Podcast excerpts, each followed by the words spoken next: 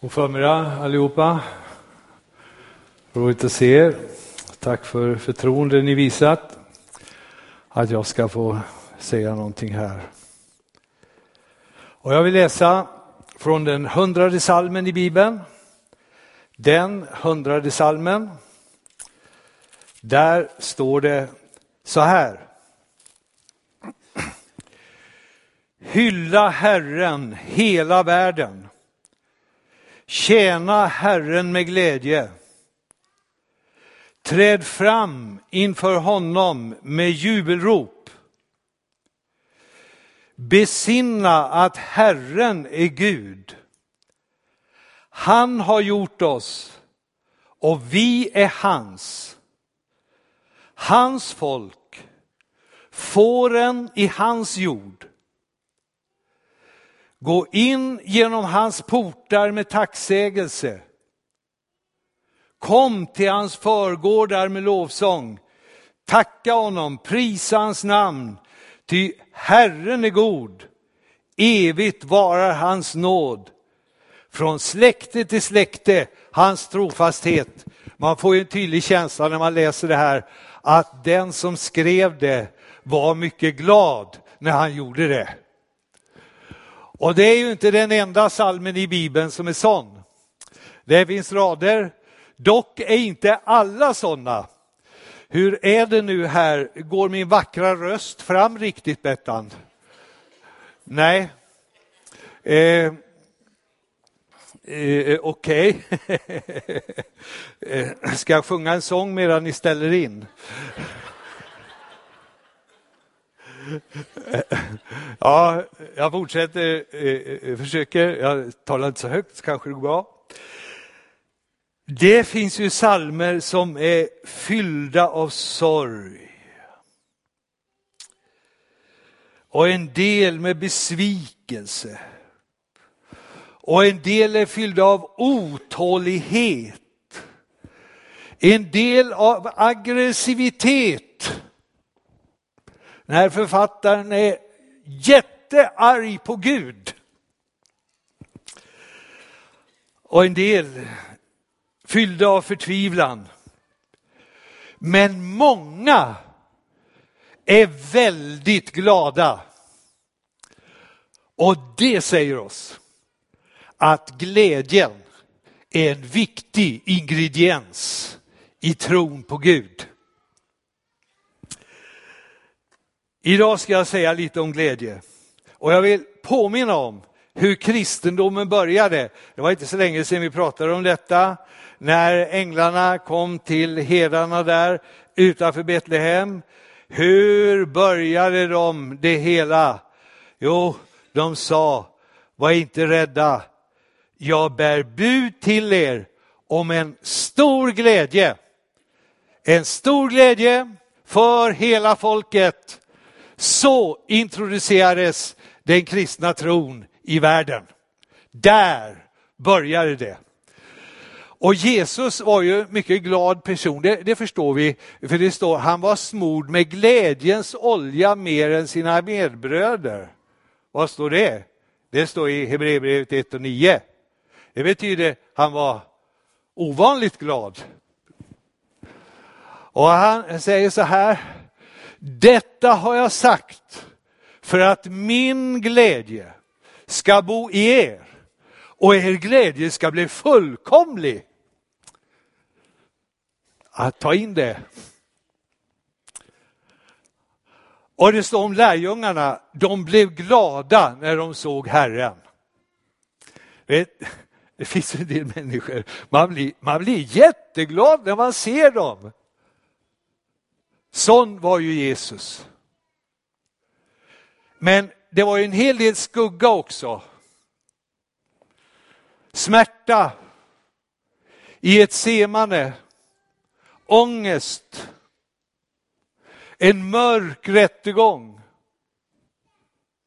tortyr av värsta sort, korsfästelse. Oj, vad mörkt. Men alltihop detta utmynnade ju i att han uppstod från de döda. den största glädje man kan tänka sig.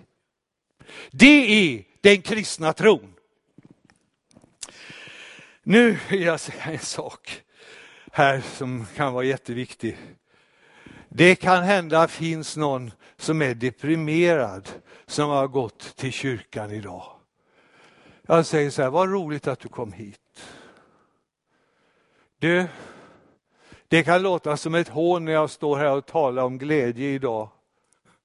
Men jag säger till dig, ta det du kan, låt det andra vara.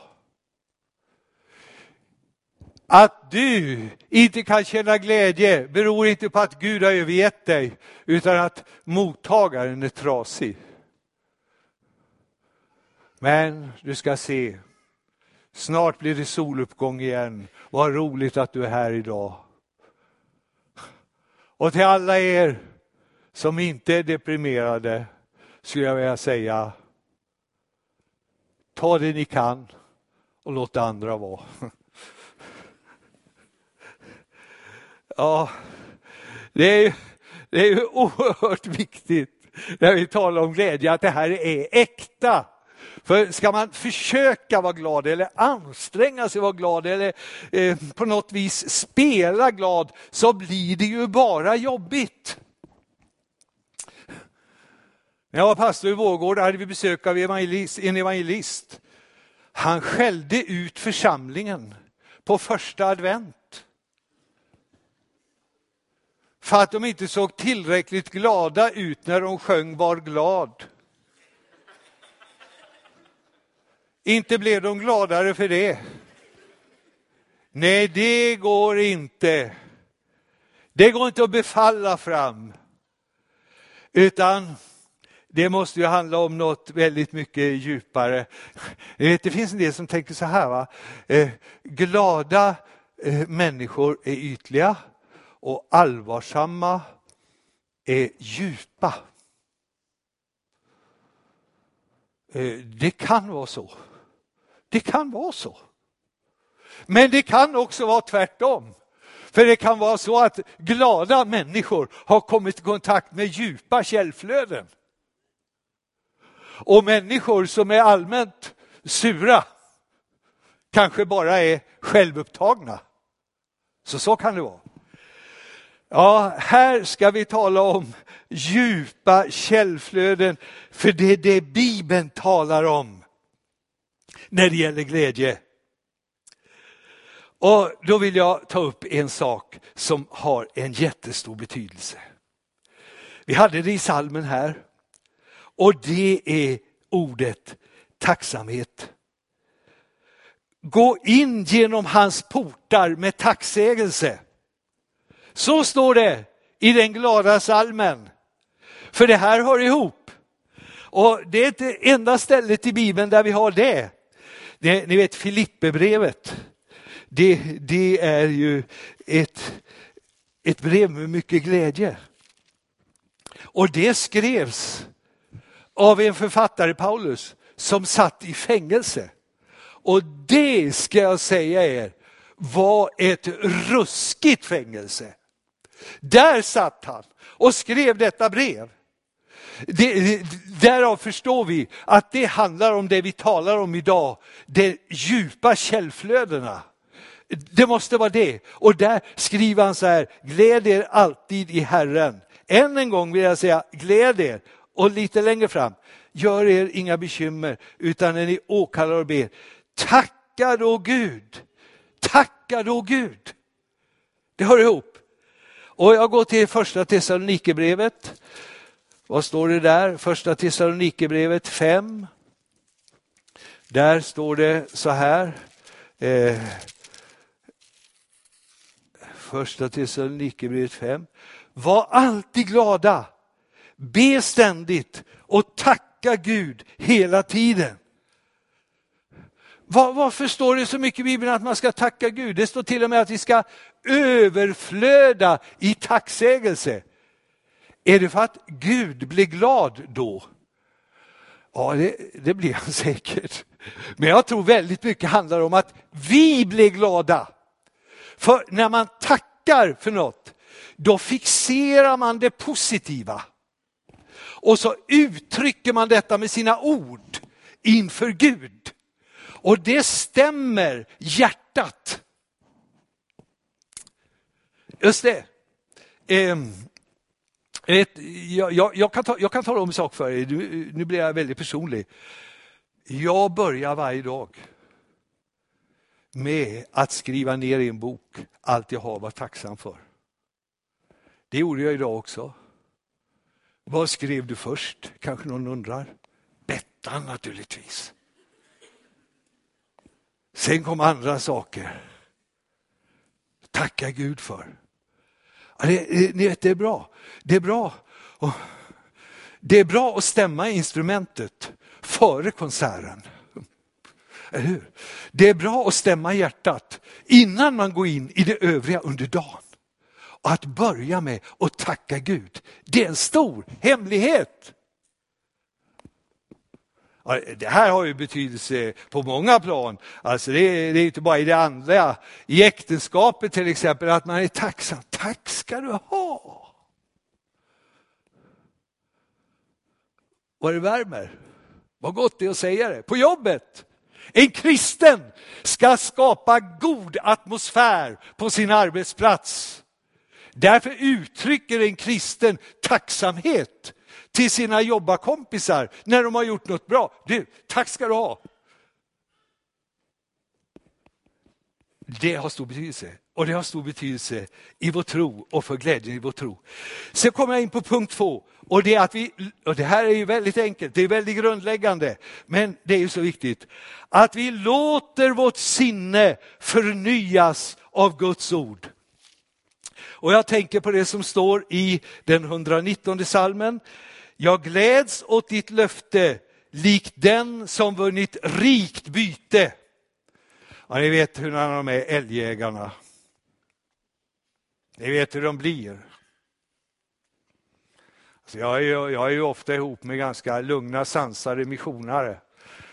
Till och med de sätter en kvist i hatten när de har skjutit en älg. Ja, jag ser småkillarna här, har tagit en gädda. Kamera, fram kamera! Vi ska förevigas. Jag gläds åt ditt löfte likt den som har vunnit rikt byte. Ja, vet när jag fyllde 50 år fick jag jägarexamen. Jag tyckte det passade. När det blir gamla ska det skjuta skott, står det ju i den 92 salmen. Jag fick jägarexamen, så jag har alltså jägarexamen.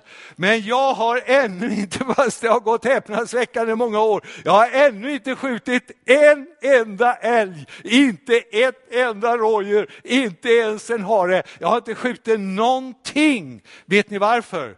Jag har i stort sett aldrig varit ute och jagat någon gång. En del kristna de upptäcker aldrig någonting i Guds ord. Vet ni varför? De är aldrig ute och jagar.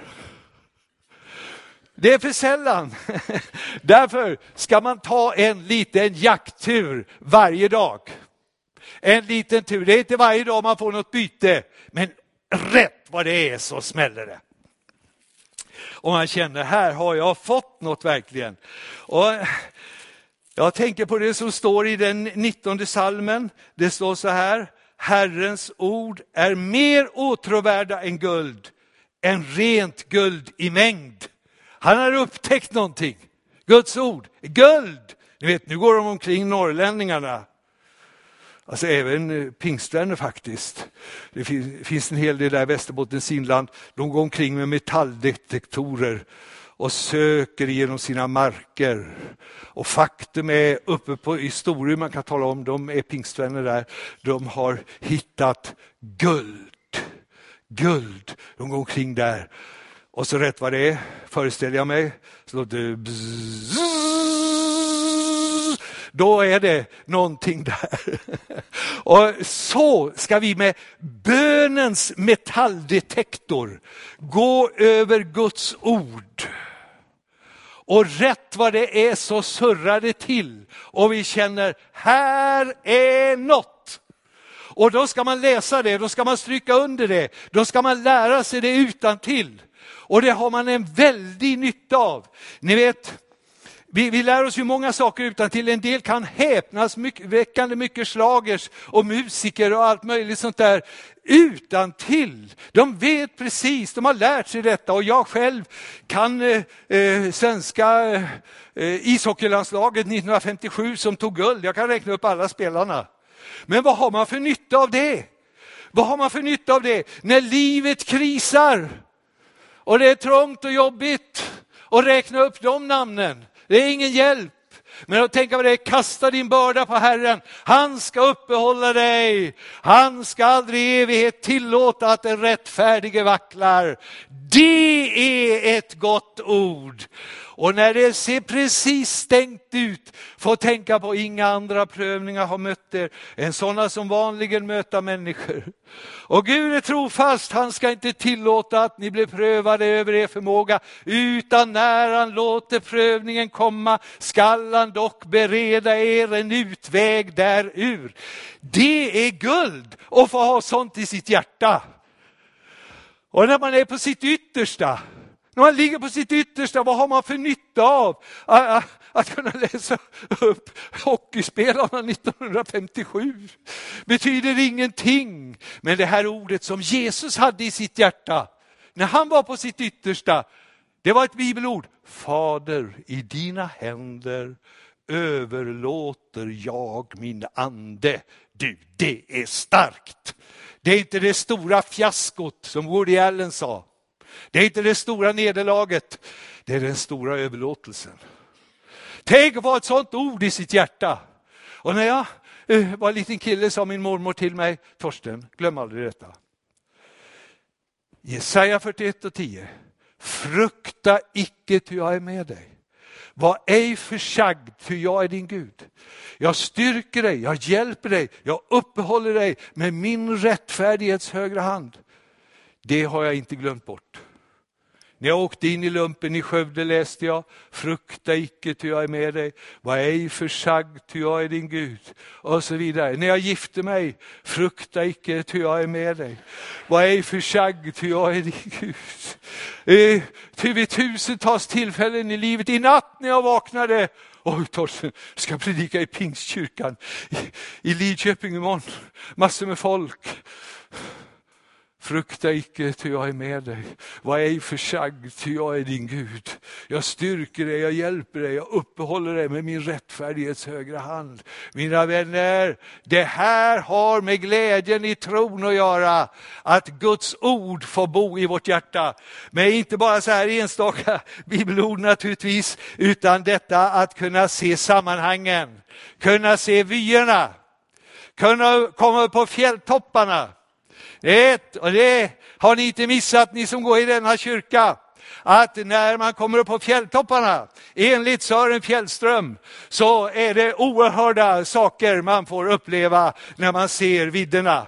Och det är så också i Guds ord. Alltså ni vet, det är ju inget enkelt, det är inte så enkelt det här. Och vi kan trampa ner oss i träskmarker i bibelordet och sitta fast.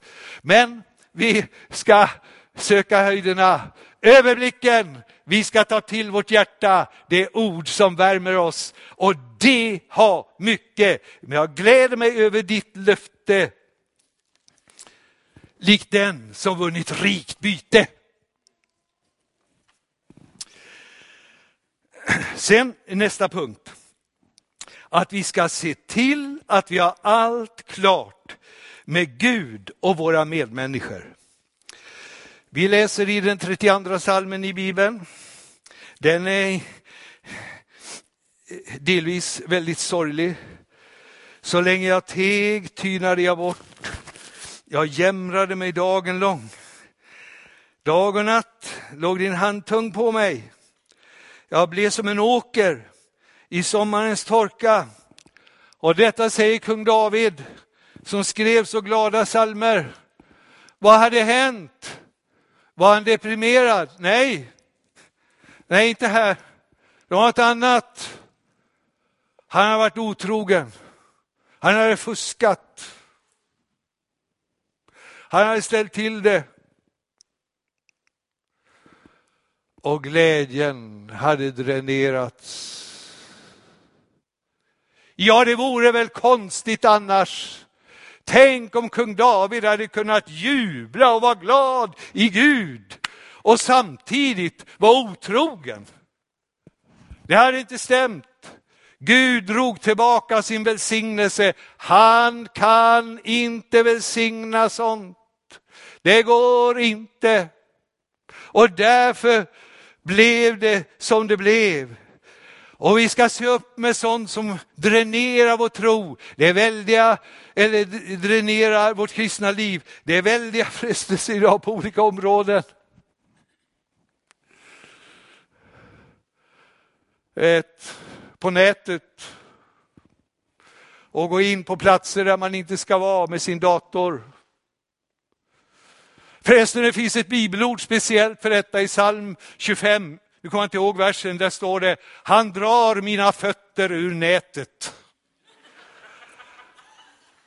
Ja, ja, tänk på det om du känner dig frestad att gå in där du inte ska vara.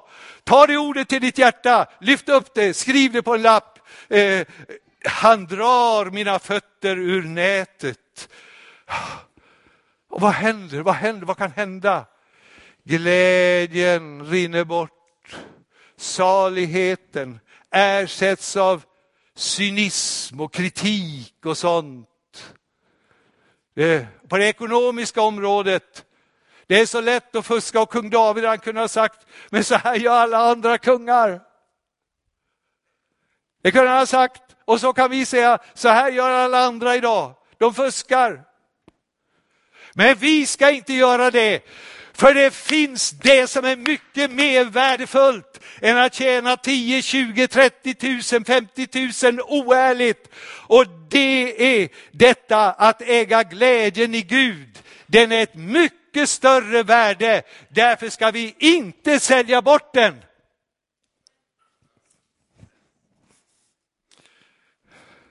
Jag sa till Reinfeldt att när jag predikar brukar jag säga, lev så att du kan bli statsråd när som helst. Man vet aldrig när Reinfeldt ringer.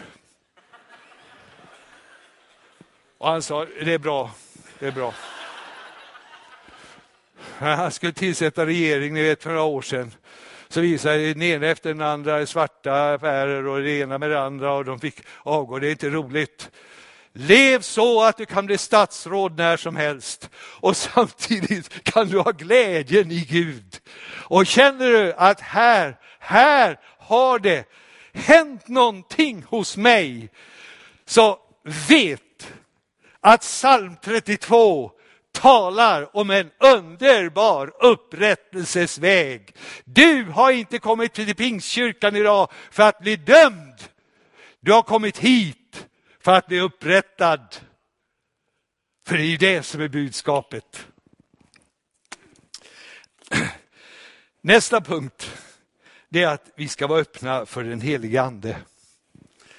Det står om de första kristna eh, i Apostlagärningarna 13 och 52 att de uppfylldes allt mer av glädje och helig ande. Det var du inne på. Bra. Glädje och helig ande hör ihop. Ja, det är så gott att vi har en sådan Gud att hans osynliga närvaro hör ihop med glädje.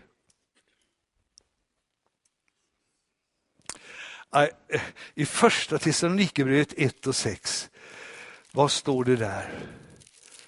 Första Thessalonikerbrevet 1 och 6. Där står det så här.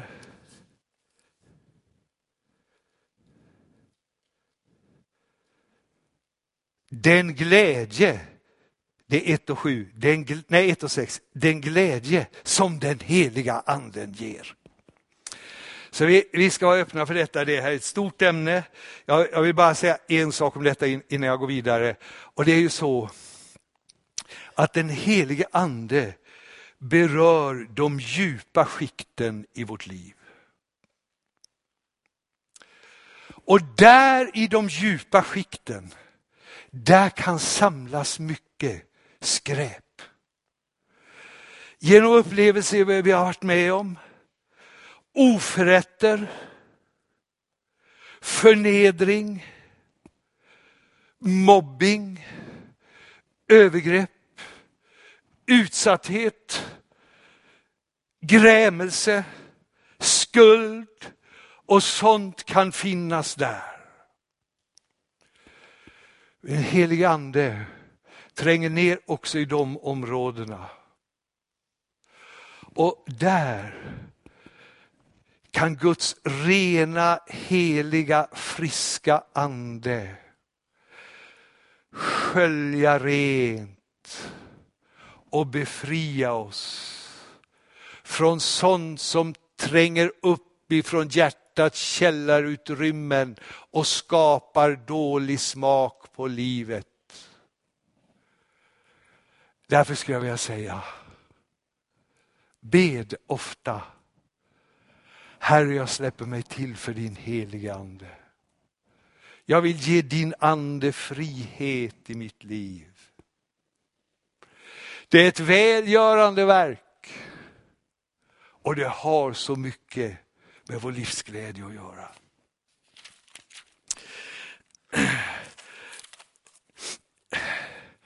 Jag har, jag har en punkt till och sen en punkt till. Och den här punkten som jag säger nu, det är, det är en väldigt stor hemlighet i det kristna livet. Och det handlar om vem som är subjektet i vår tro. Och slockna inte nu när jag tar ett ord ur språkläran. Nu är det en grej jag inte har gjort riktig research på här. Har vi någon svensklärare här? Heter det subjekt fortfarande?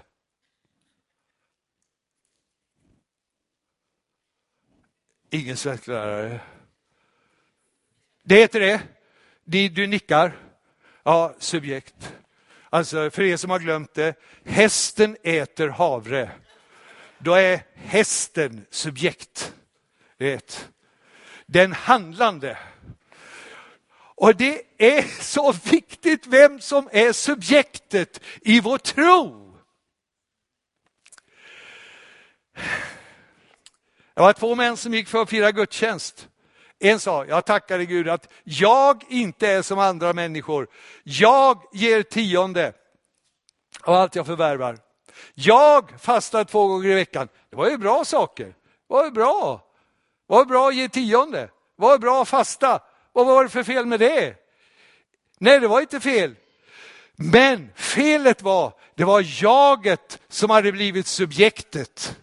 Jag gör det, jag är sån, jag, jag, jag. Det blev väldigt jobbigt. Så var det en man, han, han gick inte så långt, han stod vid dörren och sa, Gud förbarma dig över en syndare. Jesus sa, där hände något. Vad var det för skillnad? Där var det Gud, det var Herren som var subjektet där. Det här är så viktigt. Jag växte upp i en pastorsfamilj och jag kom lite snett i detta att jag fick för mig att det är jaget som är subjektet i den kristna tron. Och när min pappa eller någon annan stod och talade om det jag hade talat om precis nyss här, man ska läsa sin bibel. Jag tänkte, åh hjälp, oh, räcker det inte med att vara kristen, ska man läsa bibeln också? Och man ska berätta för sin tro för sina vänner. Åh hjälp, det kan jag aldrig. Jaget var subjektet tills jag var 17 år. Då jag förstod att det är inte fåret som bär herden på sina svaga axlar, utan det är herden som bär fåret på sina starka axlar. Och jag fick säga, Herre ta hand om mitt liv. Du får göra med det vad du vill. Ta över. Herren fick bli subjektet och vet du vad som hände? Jag börjar få ett sånt intresse för att läsa Bibeln.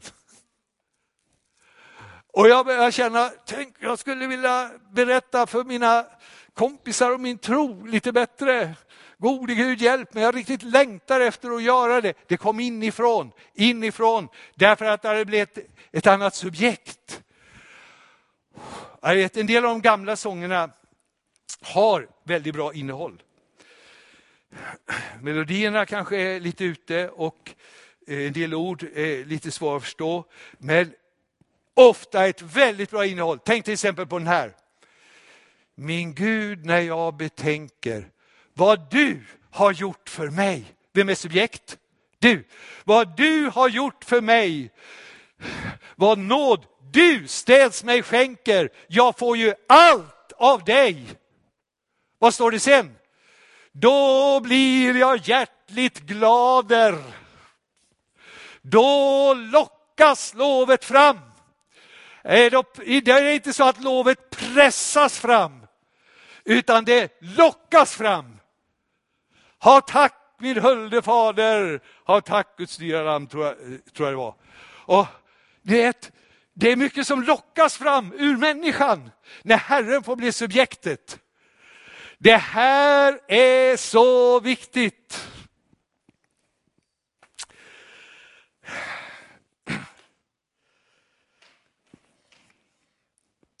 Och då kommer jag in på det sista här. Jag kände att jag skulle vilja vara med och tjäna Gud. Och det har med glädjen att göra i, i det kristna livet. Vill du bli lycklig så gör andra lyckliga. Vill du bli glad, gör andra glad. Gud har en fantastisk plan och han söker människor som vill vara med och förändra världen. Och det fattas inte uppgifter i det programmet. Går man till Arbetsförmedlingen så kanske man får höra, tyvärr, vi har inget jobb som passar dig. Kom man inför Herren. Herre, har du en uppgift för mig? Ja, jag har en uppgift som passar dig perfekt. Det finns uppgifter för oss alla. Tjäna Herren med glädje. En del kristna som har varit med i många år hamnar i en slags tristess. Och lösningen är faktiskt många gånger inte att få mer förbön. Lösningen är helt enkelt detta, att man Fråga Gud, vad har du för uppgift? Och man går in i en uppgift som Gud har för en.